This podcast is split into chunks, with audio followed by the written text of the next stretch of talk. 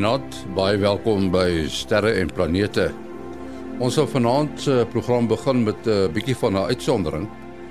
Vroeger die week, uh, eintlik verlede week dan net Dinsdag, het NASA en JPL 'n uh, nuuskonferensie gehou in Amerika natuurlik en uh, meer verduidelik oor hoe Ingenuity, die klein Mars helikoptertjie, gaan vlieg Daar het 'n hele klompie mense gepraat, maar een daarvan was Bobby Brown, die direkteur planetêre wetenskap by JPL.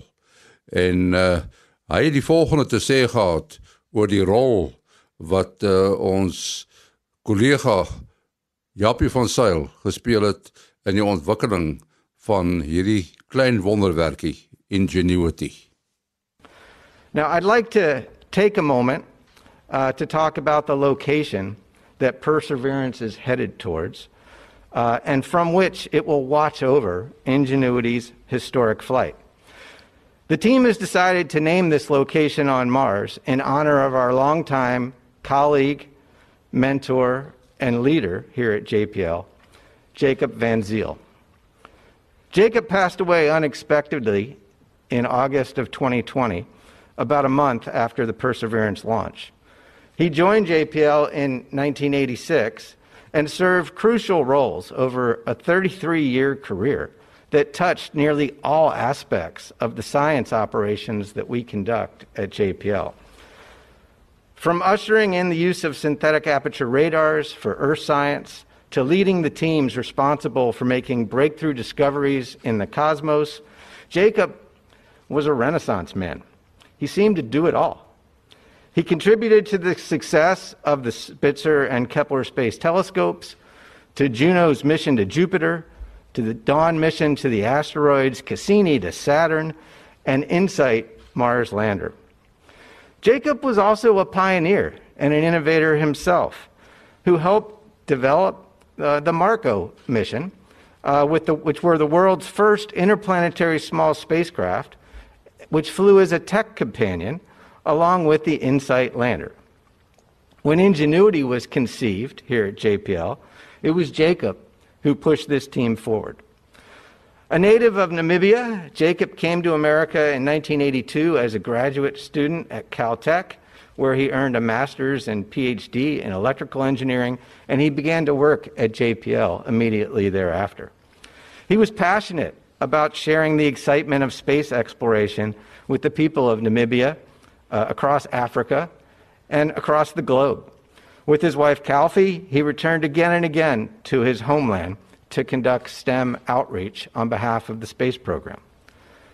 Now, Jacob was a dear friend, uh, a mentor, and a devoted teammate to me and to all of us across JPL.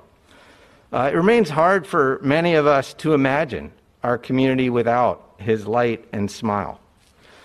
Ingenuity was one of Jacob's final projects at JPL, and it would not exist today without his leadership, dedication, and patience. He was the guiding force watching over this team, his team. And he would have been so proud to see the product of this team's hard work. On behalf of all of us at NASA, at Caltech, and at JPL, and in particular, on behalf of the Perseverance and Ingenuity teams, it's uh, my honor to announce that today we are recognizing Jacob's sustained and significant contributions to space science by naming the location on Mars from which Perseverance will look over Ingenuity's historic flight as the Van Ziel Overlook. May he continue to watch over this team, and may his memory continue to guide us encourage us to be bolder and dare mighty things. Dit was uh, Bobby Brown, uh, direkteur planetêre wetenskap by JPL.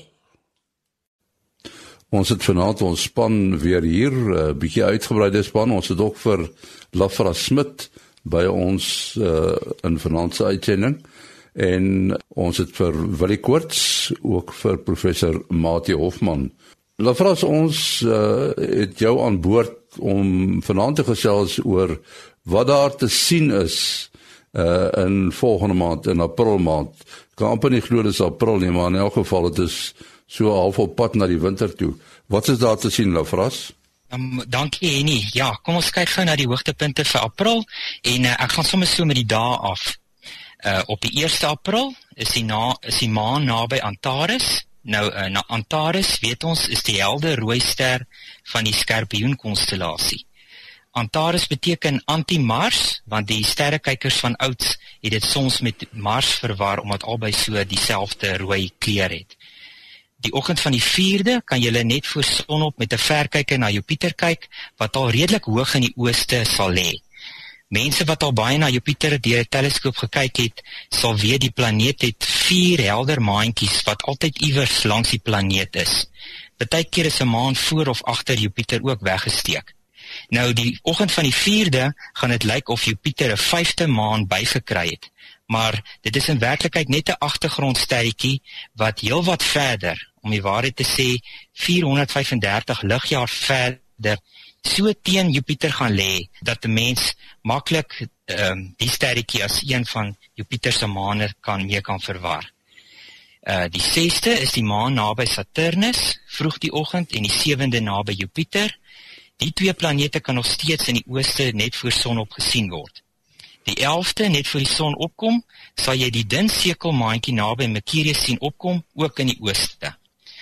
Venus is nou tans in die gloed van die son en kan glad nie gesien word nie.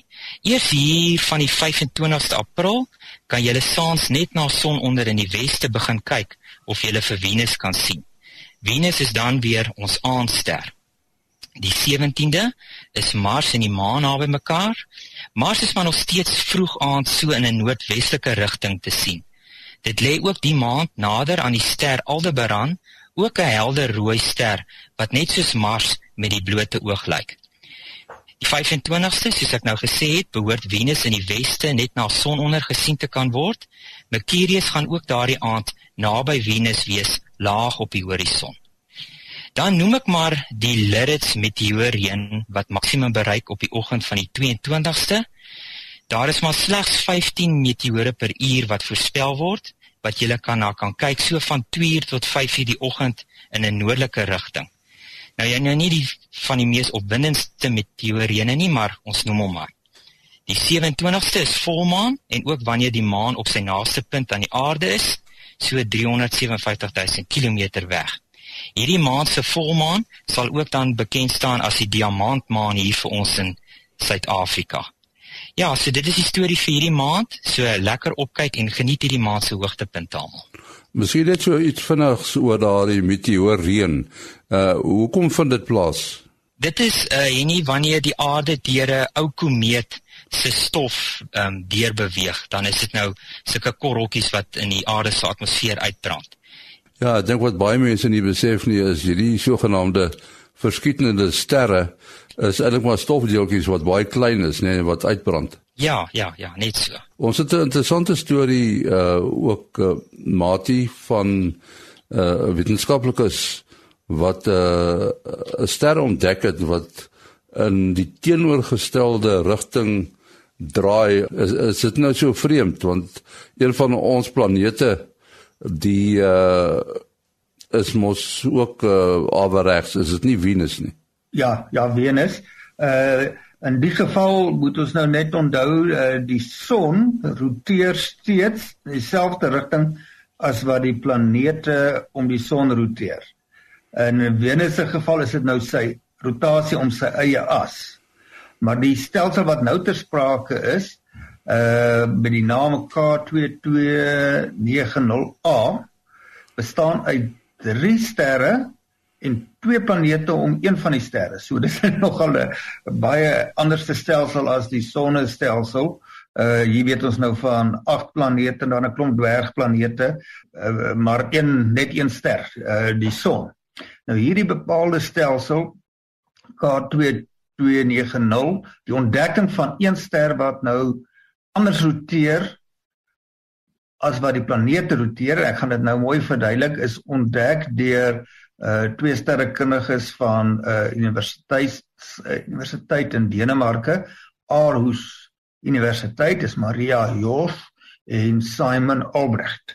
Dan hoop ek maar my uitspraak is redelik naby aan die waarheid en hulle het hulle uh, bevinding in die uh, Journal Proceedings of the National Academy of Sciences uh, gepubliseer.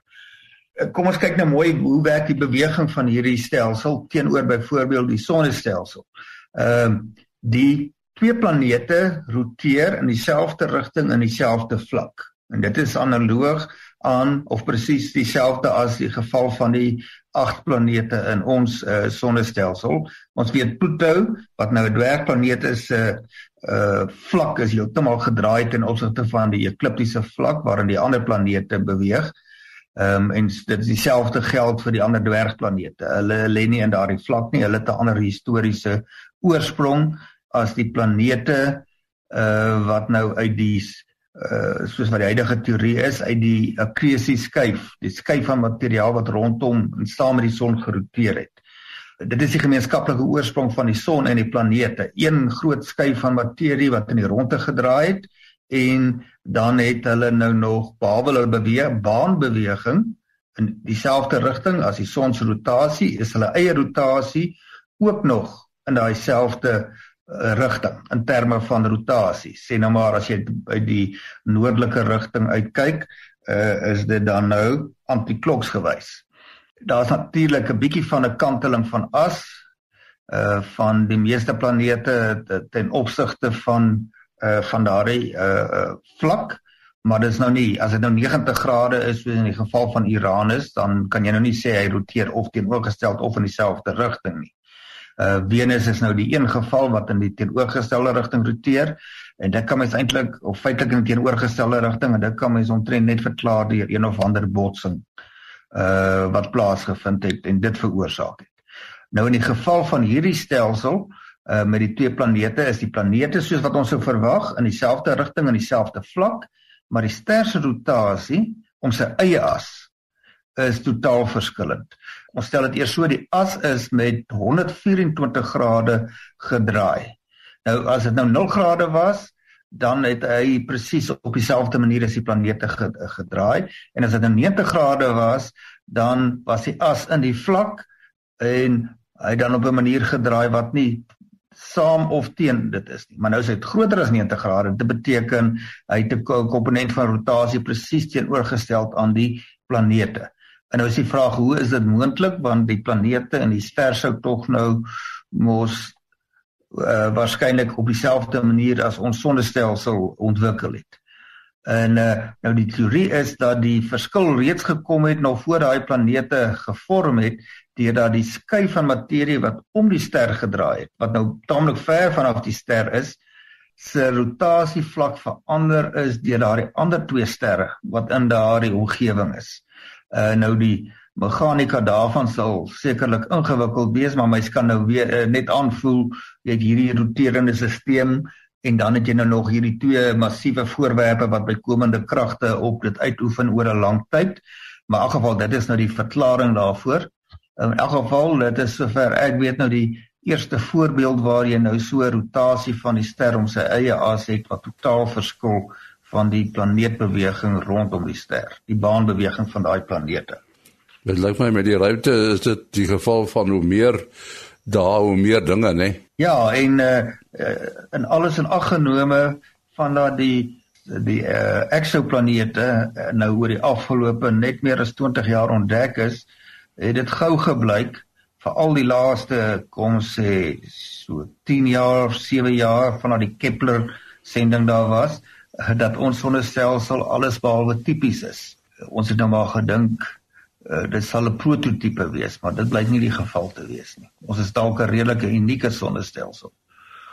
Daar is mos stories dat in sommige van die uh, stelsels uh, dat die gasplanete die naaste aan hulle sterre is eerder as die rotsplanete. Ja, as dan sou kon sê een van die mees uh besonderse kenmerke van ons sonnestelsel is die rotsagtige planete wat aan die binnekant is en dan die gasreuse wat aan die buitekant is en dit is uh koue uh planete. Maar 'n baie groot deel van die eksoplanete wat ontdek is, is sogenaamde Jupiters of super Jupiters wat in bane vergelykbaar met Mercurius of selfs nader as Mercurius om hulle sterrewentel. En dan is hulle uh, die sogenaamde uh, hot Jupiters, warm Jupiter of super Jupiters. 'n Party van daardie planete of gasreuse is warmer as ons eie son of selfs warmer as hulle eie uh, uh, eie sterre maar dan verwys dit natuurlik nou na die oppervlak van temperatuur van daardie ster en uh, nie na die ster van uh, temperatuur van miljoene grade Celsius in die middel van daardie ster nie. Die die oppervlak temperatuur van sterre is kan van 'n enkele duisend grade Celsius wees sien nou maar die rooi reuse so 3000 4000 grade ons eie son uh witgeel uh tipe ster is so 5500 grade en dan sal jy nou die groot uh, blou reuse kry wat hier bo 10000 grade Celsius is. En mens kan jy nou voorstel as 'n uh, planeet naby 'n ster roteer wat in totaal baie energie uitstraal, maar die ster is baie groot, soos 'n rooi reus, dan kan sy oppervlaktemperatuur laag wees, maar daar's genoeg uitstraling om 'n planeet naby aan hom uh, wel baie warm te bak. Dit is nou as daardie planeet dig genoeg is dat dit meer energie absorbeer wat as die buitenste laag van die ster self wat eintlik maar baie lae digtheid kan hê soos in die geval van 'n uh, 'n uh, super rooi reus soos Betelgeuse ons weet sy buitenste deel is eintlik maar baie uh, baie lae digtheid Vir ek het 'n vraag vir jou. Uh, daar is uh, wetenskaplikes wat sê dat die aarde aan die een kant van sy hitte verloor. Nou wonder ek hoekom sou dit wees? Ja, dis 'n uh, interessante studie. Ehm um, ek het ook probeer uitwerk hierso in die artikel of dit nou onlangse metings is en en en of dit nou en dit lyk my dit is eintlik 'n 'n mengsel van ehm um, tussen dan metings en dan en dan ook modelle. En dit is interessant die van die modelle gaan so ver terug soos 400 miljoen jaar hoe die aarde hoe die aarde afgekoel het. So as jy nou dink daaraan die aarde het het magma wat uh, rooi warm binne in sy kern is en dit is nog besig om te beweeg en rond te draai en dit is natuurlik deel van ja en dan die mantel wat wat rondom is en dit is dan ook waar op die uh, landmassas die kontinente beweeg. En dit is juis hierdie beweging van die magma wat dan 'n uh, drywing uh, veroorsaak wat ehm um, beteken dat die dat die kontinente is um, maar almal besig en dit is goed dat ons deesdae kan meet besig om te beweeg wat ons dan deesdae met GPS en so uh, kan um, kan meet en in Sutherland self is daar onder andere so GPS 'n hoëakkurate GPS antenne wat wat meet dat 'n uh, uh, um, kontinent soos Suid-Amerika beweeg weg van ons af teen omtrent die die spoed wat jonaal groei.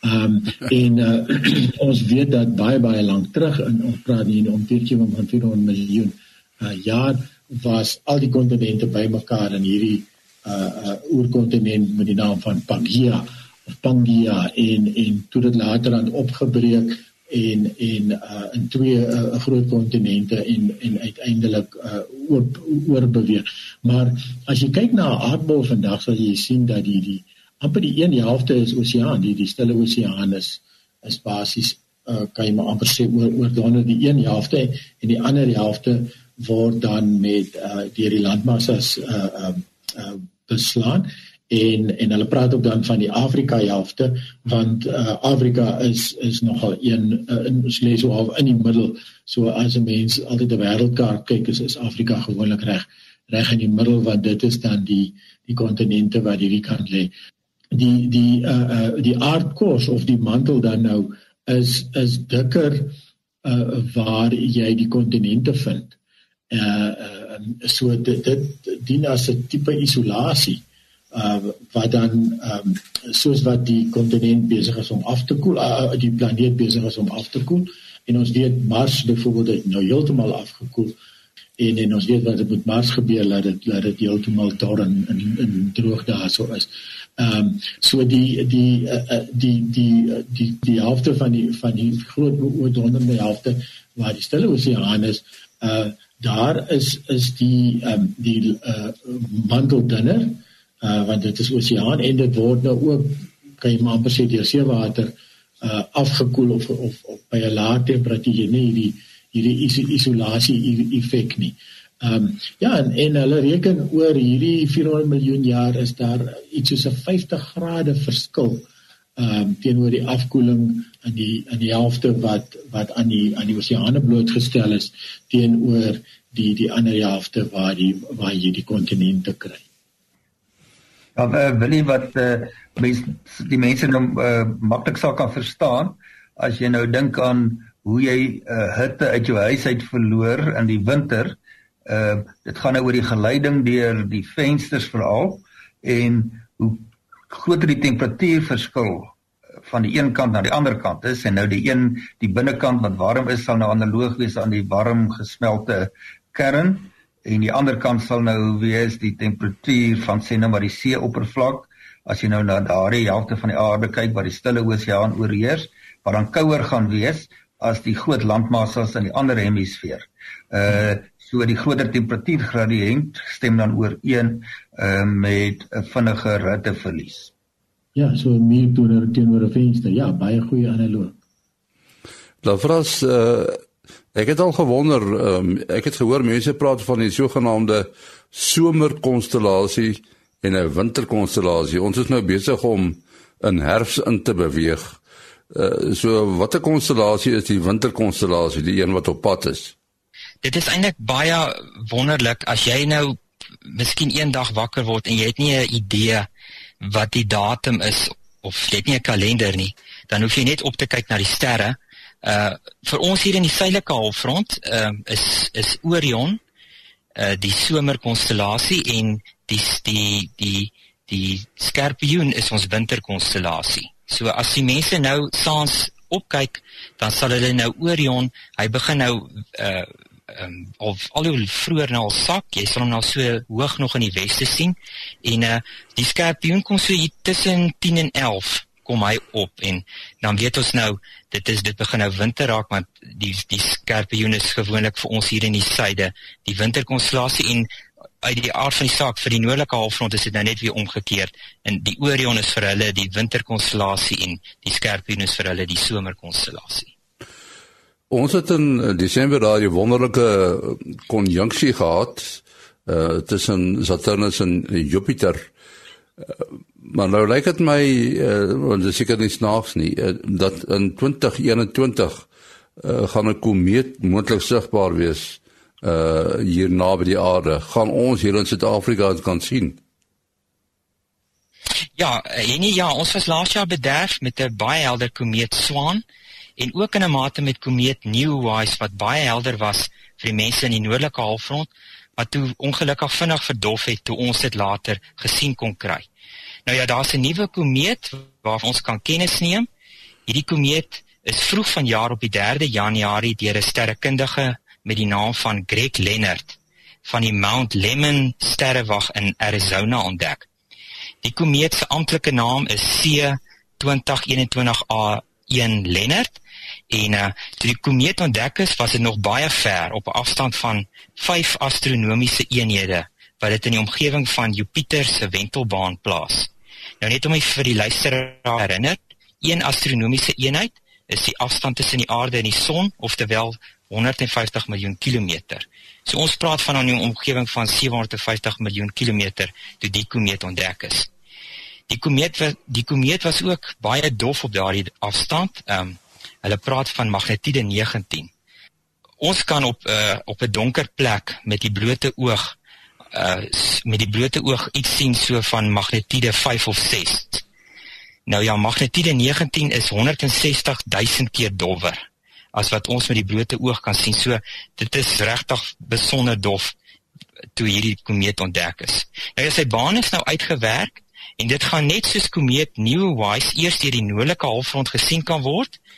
Maar uh, hier op die 12de Desember 2021, so die einde van die jaar, bereik dit sy naaste punt aan die aarde en dan op 3 Januarie 2022 Presies 'n jaar nadat dit ontdek is, sal dit sy naaste punt aan die son bereik. Nou ja, soos dit al hoe nader aan die son beweeg, gaan dit al hoe warmer word en dan deur sublimasie, dit is nou die proses waar ys op die komeet direk na gas verander en dan afgeblaas word deur die sonwind, vorm daar gewoonlik 'n stert agter die komeet en in die nuutste foto's begin al 'n dowwe stert wys. Ons behoort die komeet so van middel Desember af te kan sien. En die voorspellings dui daarop dat dit moontlik met die blote oog gesien sal kan word. Maar ja, soos ons nou al weet met komete is dit maar baie moeilik om hulle akkuraat te voorspel. So ons sal die komeet maar deur die loop van die jaar maar moet dophou. Ja, as uh, die komeet om die son beweeg, uh, dis mos nou ook interessant, dan wys hy sterk weg, nê? Nee. Ja, ja, dit is dit is dit is baie interessant en uh, ek lees ook met hierdie komeet, hulle beweer toe hulle nou sy baan uitgewerk het, ehm uh, hulle nou beweer hy was 70000 70000 jaar terug laas hierso. So dit is darem maar verskriklik as jy in terme van ons lewens dink hoe kort jou leef lewe eintlik is in terme van die kosmos, jy weet. Ja, ek kan glad nie daardie vorige keer onthou nie. ja. ja. Nee, wel op daai noot moet ons afsluit. Eh uh, Lafras is iemand met jou wil skakel? Ag nee, jy is welkom om vir my 'n WhatsApp te stuur asseblief. Ehm um, ek het ek dra nie maar die so die foon gereeld by my nie. So asseblief 'n WhatsApp by 076 704 2773. Dis 076 704 2773. En dan wil hy is 072 4579208. 072 4579208. En dan Mati 0836257154. 0836257154. En dan ouer gewoonte ons program se e-posadres sterreplanete@gmail.com. sterreplanete@ by gmail.com. Ons is volgende week weer terug. Alles van die beste.